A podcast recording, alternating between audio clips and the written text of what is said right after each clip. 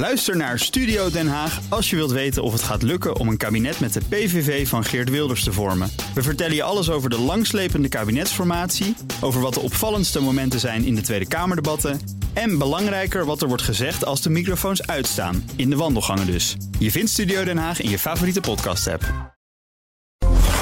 BNS Big Five van innovatie onder druk wordt mede mogelijk gemaakt door Edelman. Het communicatieadviesbureau dat zich specialiseert in vertrouwen. Je kunt ons live of terugluisteren. Dat kan via de BNR-app. Daarin vind je bijvoorbeeld de top van Nederland. Download de BNR-app en blijf scherp. BNR Nieuwsradio. The Big Five. Paul van Liemt. Zonder innovatie komt Nederland niet vooruit. Maar hoe moeilijk of makkelijk is het om die innovaties ook echt toe te passen? Niet iedereen zit te wachten op een zorgrobot, een windmolenpark in de achtertuin, een digitale euro of een kweekvleeshamburger. Hoe kunnen innovaties niet alleen tot bloei komen, maar ook meer draagvlak krijgen in de samenleving? Daar ga ik deze week over in gesprek met vijf experts, een BNS Big Five van innovatie onder druk. En vandaag is Sjoukje Heimovara bij me. Ze is voorzitter van de Raad van Bestuur van Wageningen University and Research. Welkom. Dank je. En we hebben afgesproken, ondanks dat ik hier zit met uh, de voorzitter van de Raad van Bestuur, of sta beter gezegd, want we staan allebei ook heel gezond, hè, is het, uh, hebben we afgesproken om te tutoyeren. Ja, graag. Voordat ik het met je ga hebben over de rol van Nederland in de, in de wereldwijde voedselvoorziening, belangrijk onderwerp, wil ik eerst twee dingen van je weten. En de eerste, wat verwacht je dat de verkiezingsuitslag en ook de huidige formatie, wat gaan die betekenen voor de toekomst van het beleid voor voedselproductie?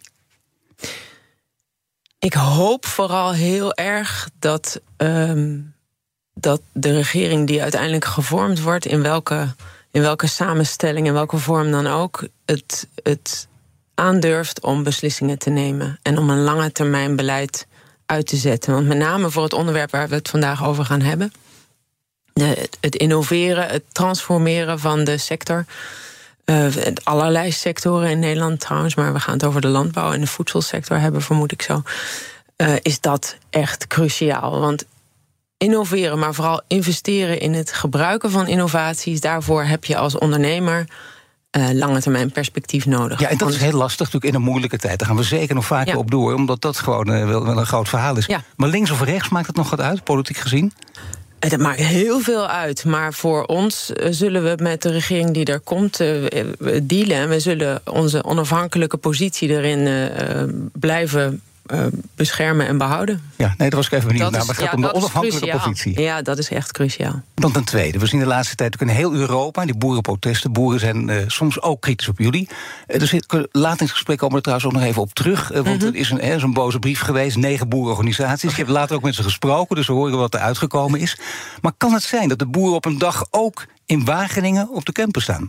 Nou, dat is al aan de hand geweest. We hebben, uh, was het twee jaar geleden, hebben daar heel veel tractoren bij ons uh, op de campus gestaan. Nee, toch? Ja, zeker wel, ja. En uh, een aantal van ons is met hen in gesprek gegaan. Wat was toen de reden? Uh, ja, het is een hele diepe frustratie en woede die zich op allerlei plekken en, en, en zaken uit. En een, een deel van de, uh, de boeren die leek het een goed idee om het ook bij ons duidelijk te maken dat het hun, uh, hun hoog zat. Vind je het ook een begrijpelijke woede, begrijpelijke frustratie? Want het zit inderdaad heel diep. Je ziet het overal, in Duitsland, in België. Als je daar doorvraagt, hetzelfde verhaal bijna. Nou, het is, het is grappig. Het is aan de ene kant, het is natuurlijk helemaal niet grappig... maar het is opmerkelijk, laat ik het zo zeggen. Het is aan de ene kant uh, zie je die frustratie en, en woede ook deels dus door heel Europa. Aan de andere kant is het verhaal, elk, elk land heeft een ander verhaal.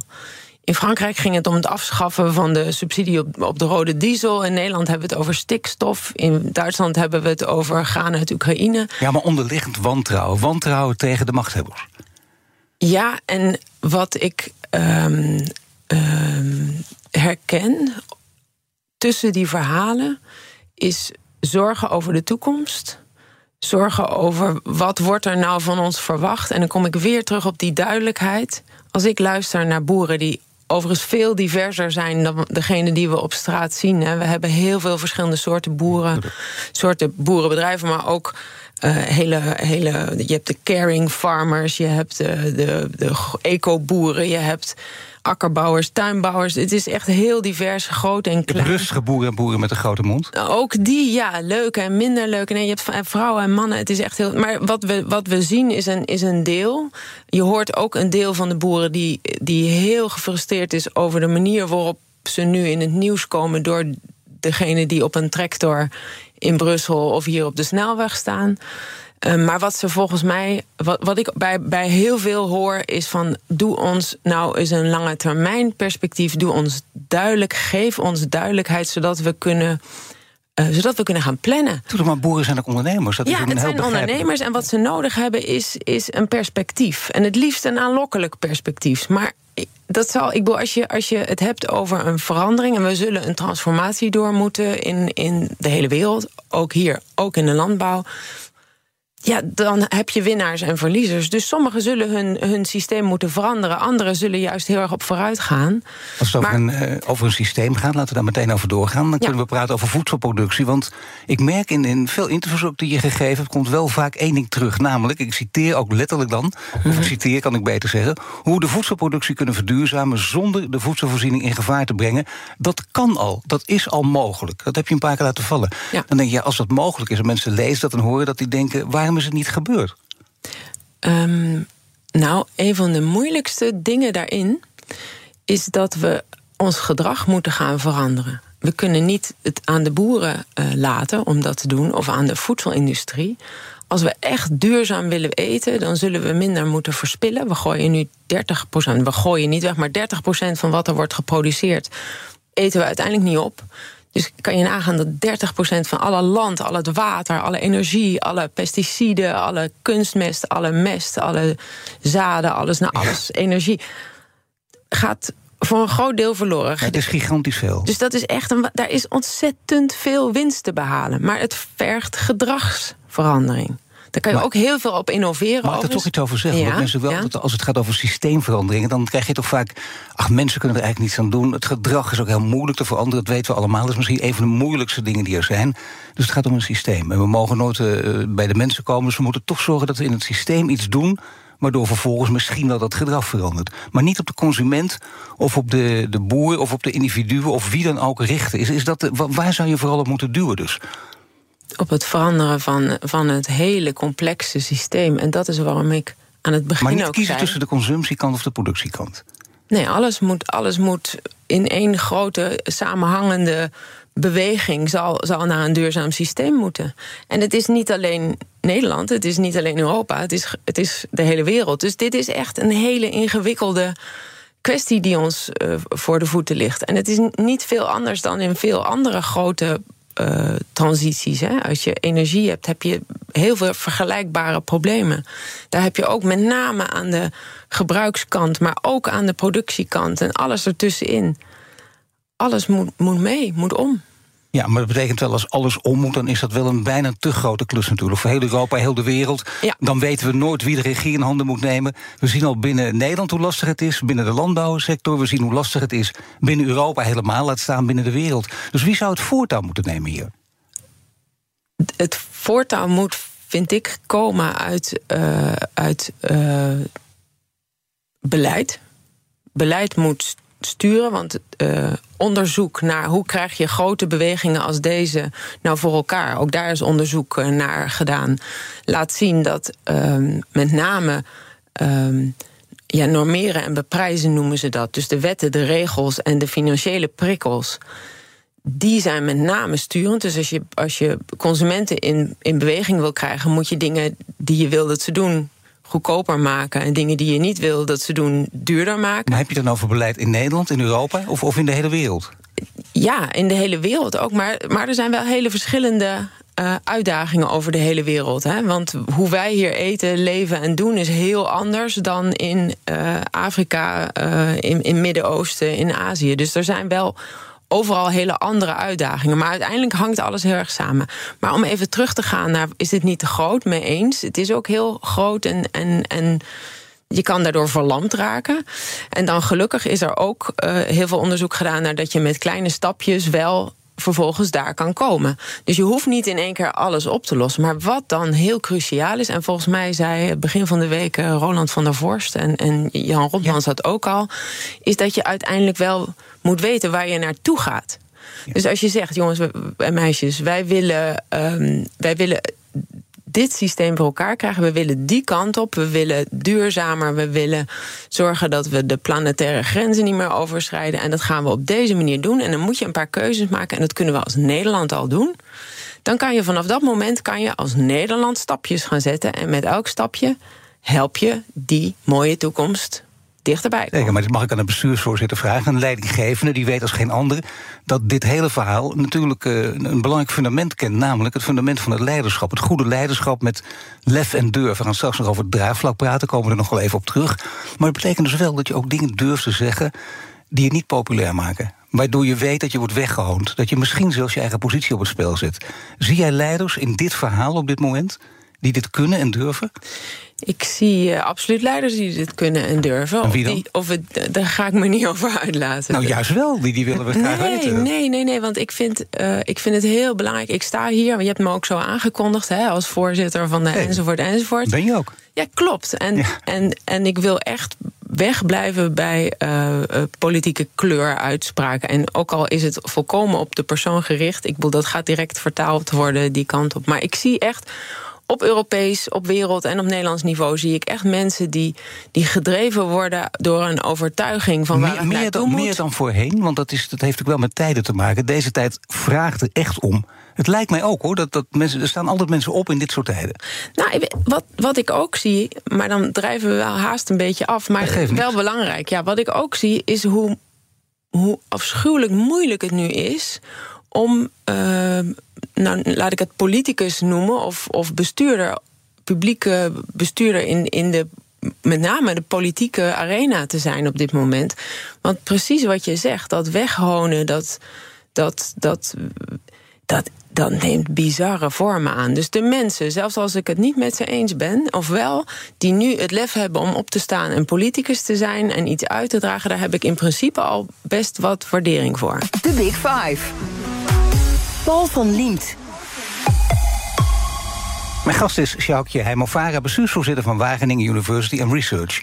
Jullie kwamen in oktober met een rapport met eh, perspectieven op landbouw, op voedsel en natuur. Dat is belangrijk, hè, deze combinatie.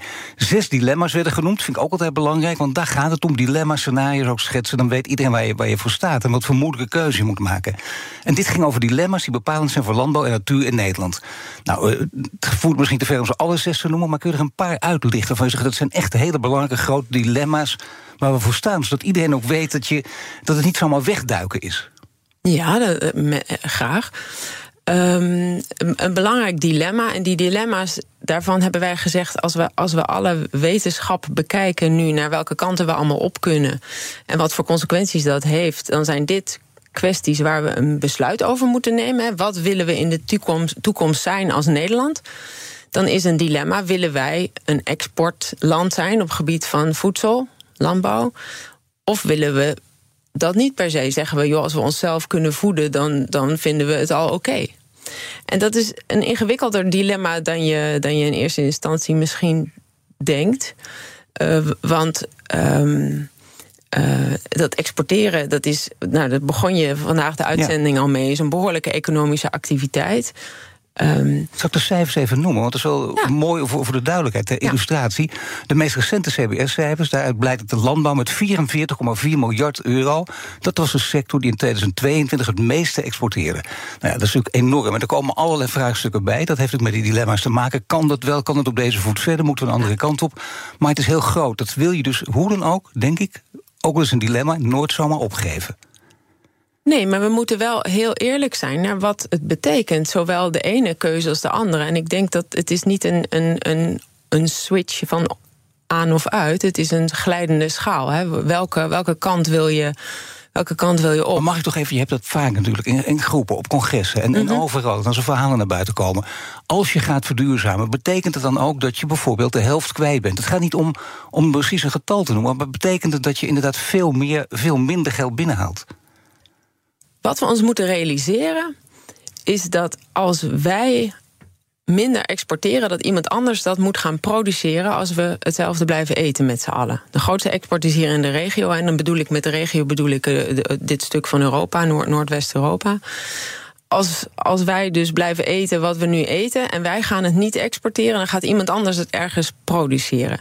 Dus die, die impact van die productie op de natuur, op de omgeving, op, de, op het klimaat, die gaat ergens neerdalen. We hebben nu een heel concreet probleem in Nederland bij uh, uh, kwetsbare natuur, waar onder andere stikstof neerslaat. We hebben. Uh, dat is wel doorgeklonken, ja. Ja, we hebben een concreet probleem met fosfaatbelasting op het grondwater. We hebben een concreet probleem met uitstoot van broeikasgassen. Nou, ik kan zo wel even doorgaan. En er komt nog veel meer aan, hebben jullie zelf aangegeven. De kaderrichtlijnen water, vogelhabitatrichtlijnen, ja, klimaatagenda ja. natuurlijk, uh, en het biodiversiteit hangt allemaal, Het hangt allemaal heel erg samen. Maar het is dus niet zo dat als wij niet meer dat voedsel produceren... en we, uh, en we doen verder niks, dat we dan de wereld planetair hebben geholpen. We hebben nee, maar het, is vaak, het is vaak wel het argument, sorry in de reden van... maar dat is vaak het argument dat, uh, dat, dat hele grote multinationals... op andere gebieden ook aanhalen. En dan, kijk, als wij het niet doen, doen anderen het wel. En dat is toch altijd naar de andere wijze. Nee, en daarom is het ook een groot dilemma. En daarom moeten we er ook wat mee. Want als we en dan kom ik bij het andere dilemma, wat hiermee samenhangt en wat dus heel belangrijk is: dat als we de wereld willen beschermen. We overschrijden nu een aantal planetaire grenzen, zeg maar. Dus die, neem klimaatverandering. Als we die klimaatverandering tegen willen gaan... en daar heeft voedselproductie een belangrijke rol in. 30% van alle broeikasgasemissies hangt samen... met productie van voedsel. Dus als we dat willen tegengaan, en, en dat moeten we... dan zullen we iets anders moeten gaan doen, ook in consumptie. Dus het andere dilemma is, en daar hadden we het net al even over gaan wij durven om op een gegeven moment invloed uit te oefenen op wat wij eten. En dan hadden we het net over voedselverspilling. En de andere grote is de samenstelling van ons dieet. Ik wil sommige dingen die we eten hebben veel meer impact op, uh, op het klimaat en de broeikasgasuitstoot dan andere. Dus als wij minder exporteren, maar hetzelfde blijven eten, dan lossen we lokaal een aantal grote problemen op. Dat is goed. Uh, het kost ons wat van de export en van de economische impact. Uh, het raakt een aantal producenten. Dat is vervelend tot, tot naar. Maar op de, op de planetaire, op de, op de wereldschaal lossen we het niet op. Dus we zullen op een gegeven moment moeten nadenken: gaan wij nu de keuzes beïnvloeden van de consumenten? Of laten we dat over aan onze kinderen, die dan gewoon minder keuze hebben? En zo hard moet je het ook zeggen, want dat is wel, dat is wel de discussie. Ja, ik vind dat je dat best zo hard mag zeggen. En het is, een, het is een groot probleem, maar we kunnen als Nederland een verschil maken. En we kunnen, want ik wil toch even naar de innovatie, eh, naar het innovatiethema.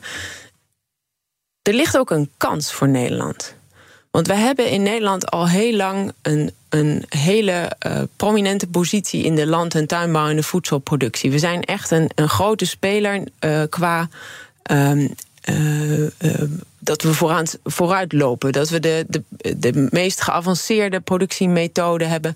Als je kijkt per kilogram of per liter product zijn we behoorlijk duurzaam. We hebben alleen heel veel productie op een heel klein oppervlakje, waardoor het lokaal niet duurzaam is. En als we nou, ik, ik bedoel, die, die waanzinnige positie, die hebben we bereikt, omdat we altijd onder best grote druk hebben, hebben geïnnoveerd en nieuwe dingen hebben ontwikkeld. En omdat die ondernemers, die die, die die boeren en die voedselproducenten en die voedseltechnologen, voedselbedrijven zijn, omdat die elke keer heel goed hebben geïnnoveerd en het lef hebben gehad om in nieuwe dingen te stappen. En als wij nou een goed, helder verhaal hebben voor de toekomst en we, we nemen een paar duidelijke besluiten, zoals worden aangegeven door die dilemma's bijvoorbeeld. We hakken daar een paar knopen door. We zeggen: dit gaan we doen en we gaan die kant op. En dat is aan de, dat is aan de politiek. Dan kunnen we weer, weer die stap zetten. En dan kunnen we als Nederland de volgende generatie land- en tuinbouwers krijgen. En ik spreek ook vaak met de jonge boeren. Die zijn echt, die willen dat ook echt. Want die maar heb je een voorbeeld van een goede innovatie? Want het is mooi als Nederland voor uitloopt. Ik bedoel, dat is belangrijk. Daar kun je koploper in zijn. Daar kun je anderen mm meekrijgen. En bovendien koplopers zijn. We zien uit het verleden weten wat voor voordelen oplevert. Maar heb je een goed voorbeeld? Ja, die zijn, waar we nu mee bezig zijn, en daar zijn we nog niet klaar mee, maar daar is echt veel te halen, denk ik, is andere type um, akkerbouw. Om, um, om op een andere manier niet hele grote vlakken een monocultuur van, van bepaalde gewassen te kweken. Maar wat we proberen in Lelystad is in, uh, noemen we strip cropping, dus rijtjes gewassen. Of, of zelfs pixeltjes. Dus om dat veel meer te mengen, zodat je veel meer buffer krijgt in feite in die gewassen. En ze veel, je hebt veel minder theoretisch veel minder bestrijding nodig. En je hebt veel meer uh, biodiversiteit daar.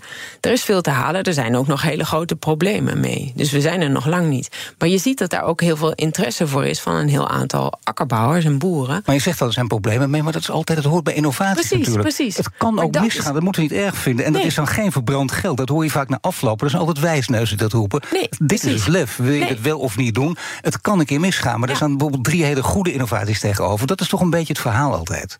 Precies. Je, nee, ik kan het niet mooier zeggen dan je het doet. Nou, en een andere. Ja. een andere is bijvoorbeeld in de, in de glastuinbouw. Daar is best ook wel wat over te doen. Maar er zijn nu glastuinen, of die zijn er al langer...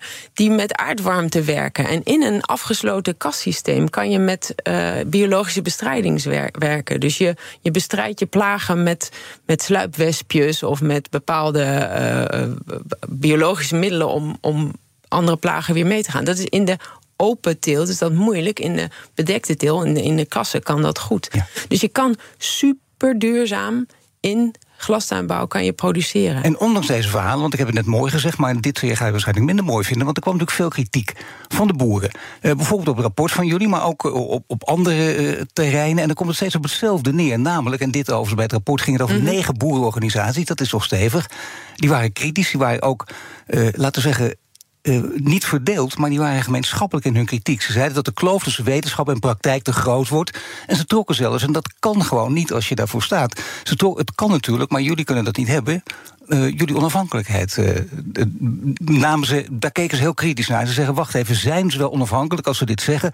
Want het is bijna politiek, het is gekleurd. En dat wil je natuurlijk niet. Nee, dat ben ik helemaal met je eens. En daarom hebben we dit onderzoek, hè, wat ligt onder die zes dilemma's, waarbij we allemaal studies hebben bekeken, hebben we expres volkomen onafhankelijk gedaan. Dus we hebben geen uh, financiën aanvaard voor wel, van welke organisatie ook die zei: Oh, maar daar willen we wel aan meedoen. We hebben tegen de overheid, tegen de organisaties, tegen boerenorganisaties gezegd: Nee, dit gaan we echt puur uit eigen beweging, met eigen middelen, gaan we dit onderzoek doen om deze dilemma's, om dit rapport op te leveren. Zijn de boeren en het overtuigd? kritiek, En het kritiek van deze negen organisaties is dat ze niet betrokken waren. Dus dat is, ik vind het, er zit wel een soort van. Uh, uh, maar wel tegen, ik snap het. Dan zetten ze het hard in natuurlijk. Hadden ze misschien niet zo hard moeten doen, omdat je dan hele grote ja. termen gebruikt. Met name als je ja, jullie onafhankelijkheid gewoon uh, in het geding brengt. Maar aan de andere kant, ja, natuurlijk moeten ze erbij betrekken. Zou ik denken, of niet? op het moment dat wij zeggen van nou, we hebben deze, we hebben al die scenario's doorgewerkt en dit is onze conclusie, dit is ons advies. Daarna zijn we in gesprek gegaan met allerlei instanties, van alle in kleine gesprekken. We hebben binnenkort uh, met een heel grote dialoog met alle uh, belanghebbenden om tafel. Dus ja, natuurlijk gaan wij in gesprek. En wij zijn bij in, in Wageningen University and Research, zoals je zo mooi zegt. We zijn voor de helft universiteit. We zijn voor de andere helft negen kennisinstituten die met alle partijen samen heel dicht en nauw werken. Dus, dus ik moet eerlijk zeggen dat ik wat dat betreft hier niet super wakker van lig. Ik wil wel heel graag met ze in gesprek. Ik heb ze uitgenodigd. Helaas konden ze niet op de afgesproken datum, dus die staat nog. Binnenkort komen ze. Uh, ik wil ook zeggen, het zijn inderdaad negen uh, boerenorganisaties. Uh, het is bijvoorbeeld niet LTO, het is niet de jonge boeren, het is niet. Dus het is. Het is en LTO is. is ik heb laatst gesproken met ze, die zijn ook heel hard aan de, aan de gang met deze zes dilemma's, omdat ze het juist een hele mooie ingang vinden om ook na te denken over hun toekomstvisie. Zitten consumenten wel te wachten op meer plantaardig voedsel en is kweekvlees een uitkomst? Straks praat ik verder met Sjoukje Heimovaga over maatschappelijk draagvlak voor de eiwittransitie. Blijf luisteren. Ook Thomas van Zeil vind je in de BNR-app. Je kunt live naar mij luisteren in Zaken doen. De BNR-app met breaking news, het laatste zakelijke nieuws... en je vindt er alle BNR-podcasts, bijvoorbeeld Het Nieuwe Geld. Download nu de gratis BNR-app en blijf scherp. Blijf scherp. BNR Nieuwsradio. The Big Five. Paul van Liemt. Welkom bij het tweede half uur. Deze week vijf kopstukken uit de wereld van innovatie onder druk. Eerder deze week sprak ik met Jan Rotmans over het versnellen van de energietransitie. Terug te luisteren via de BNR-app. De gast is Sjoukje Heibelvara, bestuursvoorzitter van Wageningen University and Research. Komend half uur wil ik in ieder geval nog twee onderwerpen met je bespreken. Namelijk het maatschappelijk draagvlak voor innovaties in de voedselsector. En welke innovaties belangrijk zijn in de eiwittransitie. En we gaan zo meteen met het laatste beginnen. Maar ja, kijk, ik zit al die vragen te stellen. Maar we hebben natuurlijk ook altijd de kettingvraag. Dat zijn namelijk onze gasten. Die stellen elkaar vragen via de kettingvraag. En uh, ja, vandaag of gisteren zat hier uh, Cynthia Liem, universitair hoofddocent van de afdeling Intelligente Systemen aan de TU Delft. Die had deze vraag voor jou. Maatschappelijke impact is een onderdeel van onze taak als academicus. Uh, wordt vaak nu wel echt vertaald als ja, patenteren, met een bedrijf iets gaan doen of een praatje houden. is er niet meer dan dat? En hoe zou dus de academicus aan de universiteit zich in dit landschap moeten positioneren? Nou ja, meteen een goede vraag natuurlijk voor de ja. bestuursvoorzitter die hier nu voor de microfoon staat. Een hele goede vraag. En het, het grijpt direct een beetje terug op het stukje waar we het voor de, voor de break uh, over hadden. Ja. Van de dilemma's. Wij hebben uh, uh, anderhalf jaar geleden, toen, toen de, de hele toen we al de hele polarisatie in het voedseldebat zeg maar, zagen. En het landbouwdebat gezegd: ja, we, we willen meer doen. We willen onze kennis inbrengen in die dialoog om te helpen, om de maatschappij te helpen om goede keuzes te maken en, en de juiste gesprekken te voeren. En toen hebben we nou, precies waar we het net over hadden, een clubje bij elkaar gezegd, om, gezet om echt met een, uh, een rapport te komen en die zes dilemma's, om die dialoog te voeden. En sindsdien zijn we met een, de mensen uit die groep zijn we langs alle provincies, langs allerlei maatschappelijke uh, instanties, zowel bedrijven als NGO's. Uh, zijn we in gesprek van, joh, wat, wat, wat kunnen jullie hiermee? Kunnen we jullie hier nog mee, verder mee helpen? Wat hebben jullie nog nodig? En zoals ik net al zei, we gaan daar nog steeds mee door. Het is een voorbeeld. Het is een belangrijke taak voor ja. ook dus. Het is, een, het is een voorbeeld van wat, wat een hele belangrijke uh, uh, vorm is van kennis delen. Want zoals ik het zie, zijn er eigenlijk drie taken: onderwijs geven, onderzoek doen en kennis delen. Ja, maar als je bijvoorbeeld hoogleraar wil worden, dan uh, weten we meteen waar de prikkels liggen. En dan moet je heel veel publiceren en heb je weinig tijd voor andere zaken. Zou dat systeem ook op de kop moeten? Voor een andere uitzending, maar toch eventjes. Dus voor een andere uitzending, daar is natuurlijk heel veel gaande op erkennen en waarderen, heet dat. Er is dus een heel veel gaande in Nederland en Europa om onderzoekers en onder ja, onderwijzers, eh, dat is niet helemaal een goede term, um, om die op een andere manier te uh, waarderen voor wat ze doen. Dat is, daar is heel veel, en er is bij ons ook net een heel nieuw schema om daar, en dan met name ook die, die maatschappelijke impact, gewoon kennis delen met de maatschappij, ja. om die veel beter te waarderen. Een aandachtspunt is wel, waar we het net ook al over hadden met de politici, dat als je als onderzoeker eerlijk zegt wat je, wat je vanuit jouw discipline ziet, dat je ook soms echt bij de enkels wordt afgezaagd. Ja, zeker als je onderzoek betaalt, is er een hele grote techpartij. Nee, niet alleen. We hadden het net over de negen, de negen boerenpartijen die we op onderzoek wat we helemaal zelf hebben betaald en gedaan. Die, daar komt ook ja. toch. Die, die hebben ons niet afgebrand hoor. Het is allemaal heel keurig gegaan. Maar ik bedoel, er wordt, het maakt niet uit wie het betaalt. Maar je kunt zeggen, leiders met moed, en ik, ik weet hoe vreselijk dat is. Ik bedoel, als je, als je continu, als het, als het weken doorgaat, is dat heel erg natuurlijk. Heel veel mensen hebben daar ervaringen mee, negatieve ervaringen. Maar toch, als je dan een leider bent met lef en moed, dan denk je, daar ga ik gewoon doorheen. Ja, ben ik met je eens. En dat, maar het zou niet moeten hoeven. En op het nee. moment dat mensen met de brandende fakkels voor je huis staan of met tractoren, dan Zeker. wordt het ook wel een beetje moeilijk hoor. Maar laten we daar maar praten over dingen die ja. veel leuker zijn, ja, namelijk precies. innovaties in de eiwittransitie. Ja, laten we dat doen. En, en als je daarover praat, dan, dan, ja, ik weet niet of je te ver vooruit kan kijken, maar het is wel mooi om misschien tien jaar dat dat wel kan, dat je wil weten wat als je dat doet en je hebt een belangrijke innovatie in die eiwittransitie, wat ga je dan over tien jaar eten, wat we ons nu niet kunnen voorstellen? Want tien jaar geleden hadden we het ook over sprinkhanen, konden we ons ook niet voorstellen en die liggen nu gewoon in de supermarkt. Ja, ik, wat, wat ik hoop is dat we manieren vinden om, om minder dierlijke eiwitten en meer plantaardige eiwitten te eten in het rijke Westen. Hè? Want er zijn ook delen in, in de wereld, daar mag het nog best uh, een tandje anders. Hebben in de jaren 60 bestond ons dieet grofweg uit 60% plantaardige eiwit, 40% dierlijk. Inmiddels hebben we dat omgedraaid. En voor een kilo dierlijk eiwit is gewoon vijf keer zoveel land, water, energie nodig. Dus dat is echt dat is, daar is heel veel winst te halen als het gaat om hoeveel ruimte we nodig te hebben en hoeveel uh, resources. Maar die carnivoren die hebben het toch steeds over die voedingswaarde van dierlijke en plantaardige eiwitten. Dat argument wordt er altijd met kracht en soms met stevige humor ingebracht. En heeft dat inderdaad enorm effect, zeker met een leuk filmpje erbij, bijvoorbeeld op X. En hoe kun je dat ontkrachten? Nou, kijk, dierlijke, dierlijke producten kunnen een hele goede voedingswaarde hebben. En voor sommige uh, partijen of sommige uh, baby's of ouderen of zo, is het ook helemaal niet zo gek vanuit de uh, hoe heet het, voeding gezien dat, dat ze dat eten. Alleen de vraag is hoeveel. En ehm, we eten nu echt veel meer eiwit dan we nodig hebben. En we eten heel veel dierlijk eiwit. Terwijl we zoveel hebben we niet nodig. Dat is, en je kan alles ook prima zonder dierlijk eiwit heel gezond eten. Alleen dan heb je wel heel veel meer aandacht en kennis nodig van hoe stel je zo'n dieet samen. Dat hebben we gedaan. Maar dat kun je aan werken natuurlijk. Ja, daarom, bedoel, dat is innovatie. Een nieuw vak in het onderwijs, dat kan niet, want die mensen hebben dat veel te druk. Maar dat kun je toch gewoon bij, bij bestaande vakken onderbrengen. Ja, maar uh, voedingsonderwijs op onze scholen is niet heel goed ontwikkeld, denk ik. Onbegrijpelijk toch? Ja, jammer. Ja, jammer. Dat gebeurt overigens wel hoor. Nee, maar we doen ook heel leuk, uh, heel leuk voedingsonderwijs in de klas. Weer een andere uitzending. En dan heb je natuurlijk ook kweekvlees. Dan heb je ook de vegetarische slager opgekocht door, door Unilever. Dat was best een stap toen. Want daarmee werd het mainstream. En dachten mensen opeens, wacht eens even, hier gebeurt wat. Je hebt natuurlijk ook uh, datzelfde clubje. Jaap Korteweg bij betrokken bij Doos Vier Cowboys. Hè, melk mhm. zonder koe. Is het allemaal serieus te nemen? Mag je dat op één hoop gooien? Zijn het allemaal hele belangrijke innovaties? Of zit er heel veel marketing omheen?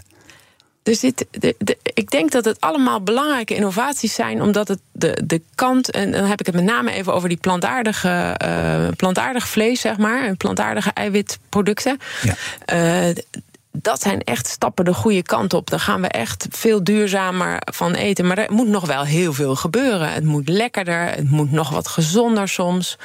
Uh, er is nog gewoon nog heel veel te halen en te doen. Het moet uiteindelijk moet het de, de lekkerste en beste keuze worden. Het moet, goed betaalbaar zijn. Kweekvlees is weer een ietsje ander verhaal. Is uh, als je kijkt naar dierwelzijn, zou dat een mooie oplossing kunnen zijn. Hè? Het zijn cellen, het is niet meer een heel dier. Dat betekent ook dat het dier niet, niet meer bestaat, zeg maar. Je hoeft geen dier meer te dus dat is, dat, nou, daar kan je lang ethisch over discussiëren. Voor de uh, duurzaamheid is het wel een aandachtspunt. Want om dierlijke uh, cellen te maken heb je plantaardige eiwitten nodig. Die moeten gezuiverd, die moeten gedaan. Het moet gekweekt in grote uh, steriele containers. Het kost ontzettend veel energie en input. Dus als je echt in één klap zo hard mogelijk wil verduurzamen, kunnen we beter direct naar plantaardige producten. En dan het verhaal van Doos Vegan Cowboys, melk zonder koe.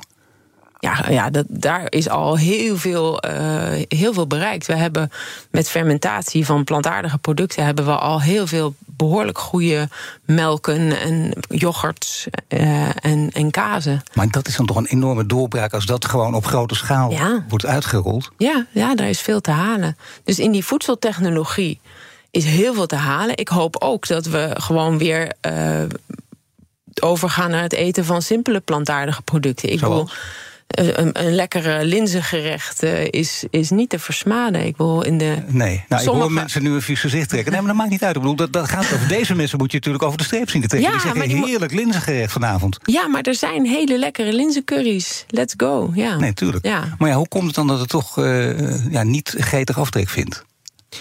Um, cultuur. Ik bedoel, er zijn uh, uh, hele continenten die heerlijke linzencurry's eten, heel vaak.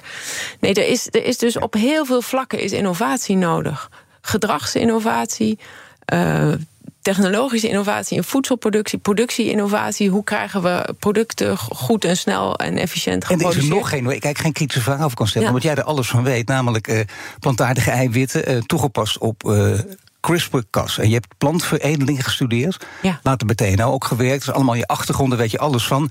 In Europa wordt er gesproken over het toestaan van dat, uh, van dat CRISPR-Cas. Ik zeg het zo mhm. simpel mogelijk. Het techniek waarbij een zwak stukje DNA wegknipt. Waar gaat het dan om? In het Verenigd Koninkrijk is het toegestaan. Het valt geloof ik onder genetische modificatie. Het is allemaal heel erg ingewikkeld. Maar is dit, is dit ook een serieuze innovatie? Of zeg je, die kunnen we beter in deze tijd eventjes uh, parkeren? CRISPR-Cas is al, uh, bestaat al vrij lang. En je kan dus op een hele snelle manier genetisch, uh, genetisch materiaal veranderen, waardoor je eigenschappen verandert. Dus als je kijkt naar. Um, als je, als je kijkt naar gewassen die gevoelig zijn voor bepaalde plagen. Dus je hebt, uh, je hebt uh, last van een of andere kever in de suikerbieten. Dit is een theoretisch voorbeeld. Hè? Ja. En aan de ene kant moet je nu um, uh, pesticiden gebruiken om die, om, die, of niet, om, die, om die kever te bestrijden. En aan de andere kant kan je ook proberen om een resistent, resistente, van nature resistente suikerbiet te maken. Dan is dat natuurlijk veel aantrekkelijker.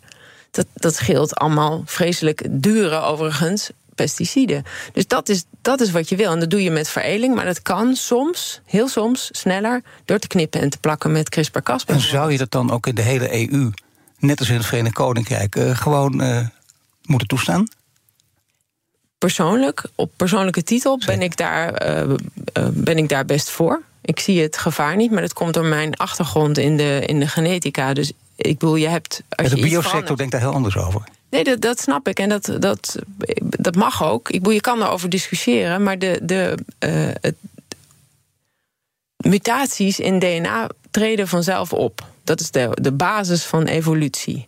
En die zijn ongestuurd, dus je weet nooit waar ze zijn. Dit is een gestuurde mutatie in feite. Dus is het dan veel gevaarlijker? Ik vind dat, ik vind dat te bediscussiëren.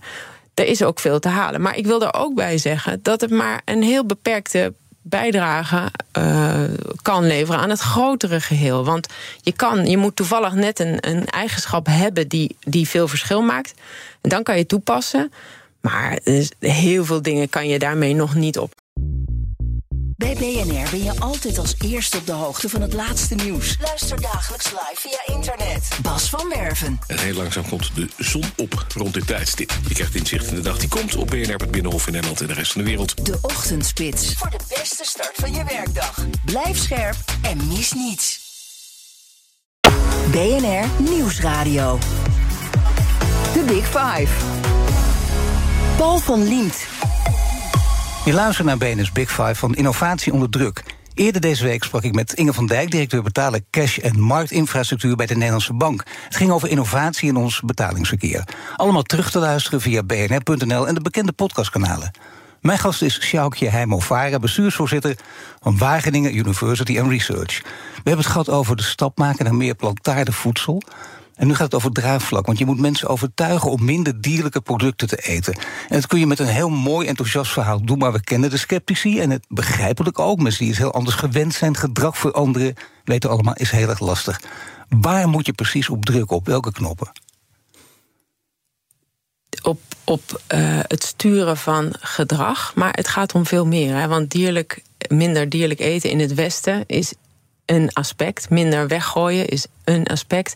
Maar ook veel slimmer en duurzamer produceren is een belangrijk aspect. Dus het moet allemaal en het moet overal op, op zijn specifieke uitdaging. Dus ik wil dat er wel bij zeggen. Het is niet zo dat als we nou maar minder dierlijk gaan eten, dat we dan het probleem oplossen. En dieren zijn ook best belangrijk in ons, of zijn sowieso heel belangrijk in ons voedselsysteem. Ze, ze grazen gras waar verder eh, soms niks kan groeien. Of ze, ze eten reststromen die we anders gaan weggooien. Als je het hebt over die. Het, het, stoppen van verspilling, dan is maar dat ik begrijp, belangrijk. Ik begrijp al deze nuances. Ik hou eerlijk gezegd er ook van, want die nuances zijn heel vaak zeker belangrijk. Dat is niet om weg te duiken. Maar in dit geval, als je zegt hoe overtuig ik mensen om minder dierlijke producten te eten, Mhm. ja, dan dat moeten volgens mij echt de one-liners zijn. Als je mensen echt wil overtuigen dat ze meteen snappen: dit is het, hierdoor word ik geraakt. En dan heet het niet alleen het hoofd, maar ook het hart en de buik. Ja, min, min, we kunnen daarmee de planeet, ja, dit klinkt een beetje dramatisch, de planeet redden. Maar realiseer je goed, we hebben het gehad over boze boeren eh, eerder in de uitzending. Boeren zien als geen ander de veranderingen van eh, de effecten van klimaatverandering en, en biodiversiteitsverlies op hun productie. De, de, de Franse wijnboeren in de Bordeaux hebben een probleem.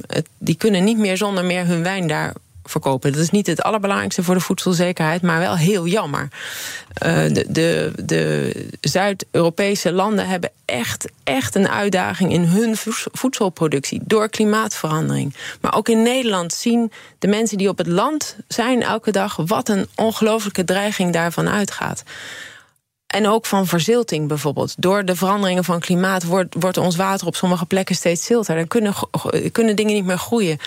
Dus er moet iets gebeuren en we hebben niet veel tijd te verliezen. En er liggen hele grote kansen als wij het goed doen als Nederland en kunnen laten zien aan de rest van Nederland. Maar ja, ik zei al, we gaan het, als het over draagvlak gaat, nu Mhm. dus, gaan we het ook over leiderschap hebben. Mhm. Want dit is natuurlijk een heel politiek heel gevoelig onderwerp. Dat weten we allemaal.